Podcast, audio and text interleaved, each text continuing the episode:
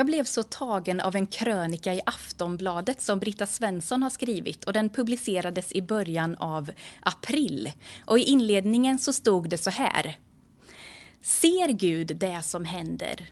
Alldeles oväntat dyker frågan upp inom mig, jag som inte ens är med i Svenska kyrkan.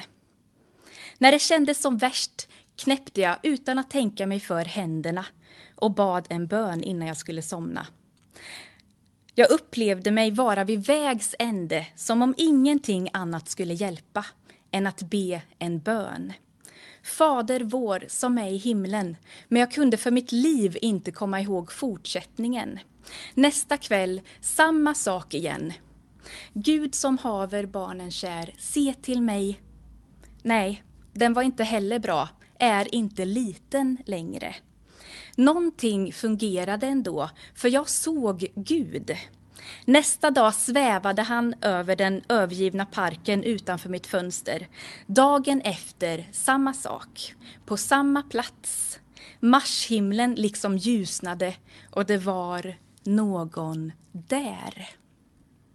Jag får rysningar när jag läser den här texten för Gud är så verklig, så påtaglig och han vill möta med var och en av oss. Och även om Britta inte bekänner sig som kristen eller är uttalat kristen så fick hon ändå uppleva hur Gud mötte henne mitt i det vardagliga, i all enkelhet.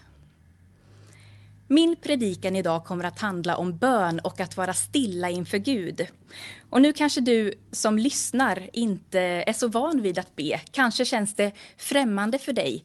Men jag tänker att bön kan vara naturligare än vad du tror. Jag tror att bön är något som alla kan utöva och att bön kan se ut på så många olika sätt. Det kan vara en stilla suck, en önskan eller en bön om välsignelse eller ett ångestfullt rop ur en människa i djup kris. I bön ryms hela livet. Låt oss be tillsammans innan jag går vidare. Tack Jesus för att vi kan få be till dig. Tack Jesus för att du har gett oss bönen som en gåva. Jesus, jag ber att du ska få leda mig den här stunden och eh, jag ber att eh, vi som lyssnar verkligen kan få sitta med öppna hjärtan och ta emot det som du vill ge till oss idag. I Jesu namn. Amen. Ett av de tidigaste minnena jag har det är minnet av att somna på en mjuk matta under soffbordet till ljudet av böner och salmer. Mina föräldrar var nämligen med i en bönegemenskap som sågs varje vecka. Och än idag kommer jag ihåg den känslan av trygghet och frid som omgav mig som en liten flicka under de här bönesamlingarna. Så jag är uppväxt med bön, men med det sagt så har inte bönen alltid varit enkel. Under vissa perioder så, perioder så har jag verkligen fått kämpa med mitt böneliv. Medan i andra perioder så har bönen, bönen varit min livlina och det som har eh, burit mig genom tuffa perioder. Bli stilla och besinna att jag är Gud.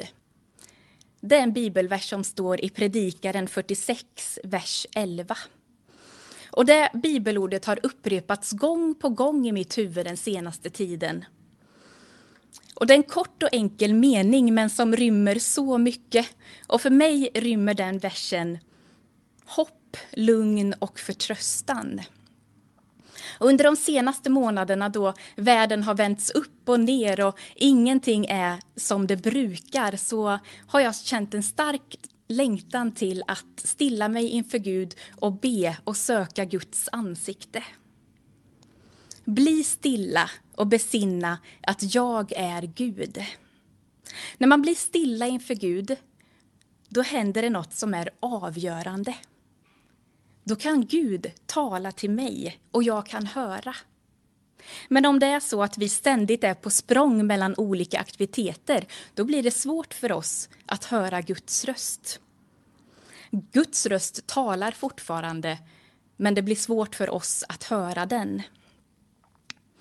Och Jesus kom inte endast till världen för, för att dö på ett kors för våra synders skull, utan han kom till världen för att visa oss hur vi skulle leva, för att statuera ett exempel. Och på flera ställen i Bibeln så kan vi läsa om att Jesus drog sig undan till ställen för att vara i stillhet, eh, där han umgicks med sin far och lyssnade till honom. Och jag tror att Jesus uppmanar oss att göra samma sak idag. I Lukas evangeliet kapitel 11, vers 1 så står det en gång var Jesus på en plats och bad. När han hade slutat sa en av hans lärjungar Herre, hjälp oss, eller Herre, lär oss att be, liksom Johannes lärde sina lärjungar. Lär oss att be. Lärjungarna sa inte lär oss att predika eller något annat, utan de sa Herre, lär oss att be. Varför då, kan man fundera. De hade förstått att det är när man ber som det händer stora grejer. Och de hade sett hur Jesus gång på gång prioriterade bönen och sökte närheten inför sin fader. Och man började förstå att hemligheten till den tjänst som Jesus hade låg i hans böneliv. Och nu säger lärjungarna att de också längtar efter att få ett hjärta som bultar av bön. Om vi fortsätter att läsa i vers 2 så står det Då sa han till dem När ni ber ska ni säga Fader, låt ditt namn bli helgat. Låt ditt rike komma. Så här visar Jesus att vi ska börja med att lovprisa Gud när vi ber. Och sen fortsätter han med att säga Ge oss var dag vårt dagliga bröd. Och då handlar det både om fysiskt bröd men också om andligt bröd för varje dag. Och förlåt oss våra synder, för också vi förlåter var och en som står i skuld till oss. Och för oss inte i frestelse. Och här är det viktigt att tänka att Gud frestar ingen, men vi själva kan frestas av våra egna begär. Så därför behöver vi be den bönen. Hur kan vi då ta steg in i stillheten och bönen? Jag tänker att ett första steg kan vara att ta vara på de där stunderna av stillhet som kommer naturligt i vardagen. Jag som småbarnsmor eh, brukar exempelvis ta vara på den här stunden av stillhet precis innan jag går upp och allting drar igång. Eller om det är så att du kör bil mycket så kanske du kan stänga av radion och eh, hitta eh, tid för stillhet och bön i bilen. Eller när du tar ditt morgonkaffe så kanske du kan lägga undan tidningen och ta några minuter i bön och stillhet inför Gud där. De här stunderna i vardagen går oss ofta förbi. Det är verkligen synd, för det är värdefulla minuter då Gud kan tala till oss.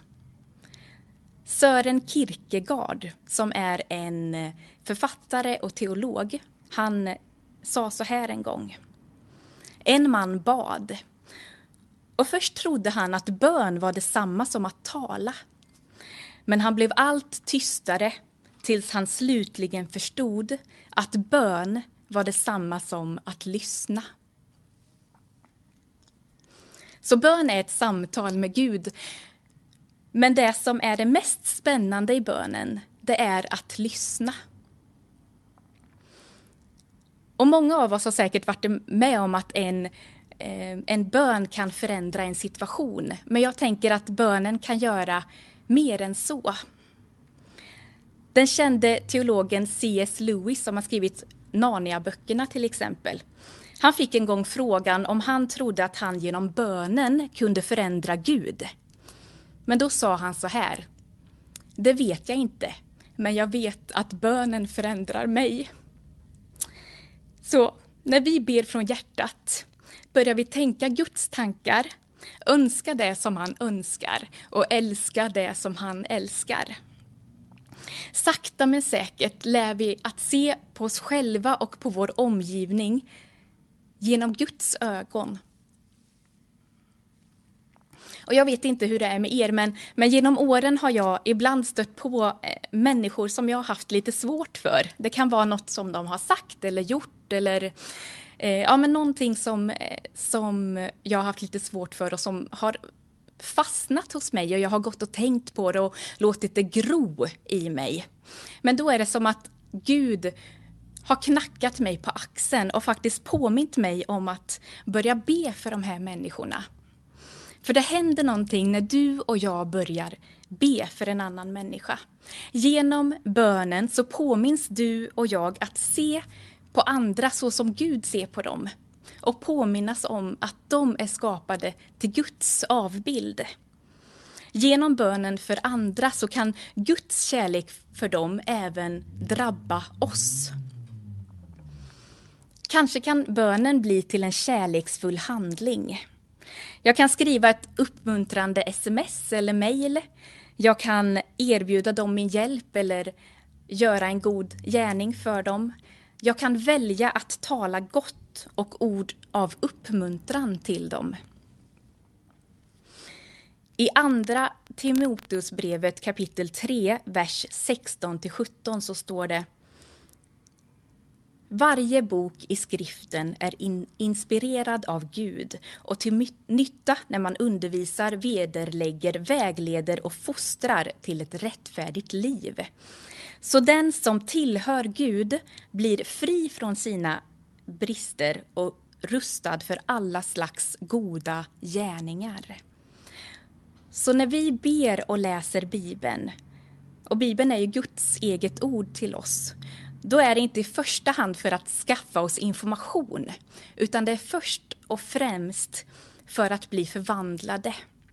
Det handlar om en, e en inre förvandling där vi blir mer och mer lika Jesus.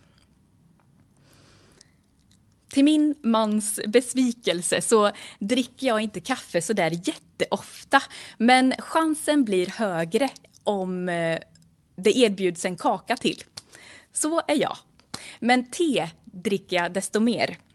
Och vi har en väldigt fin tepåse där hemma med en vers ifrån en känd svensk psalm.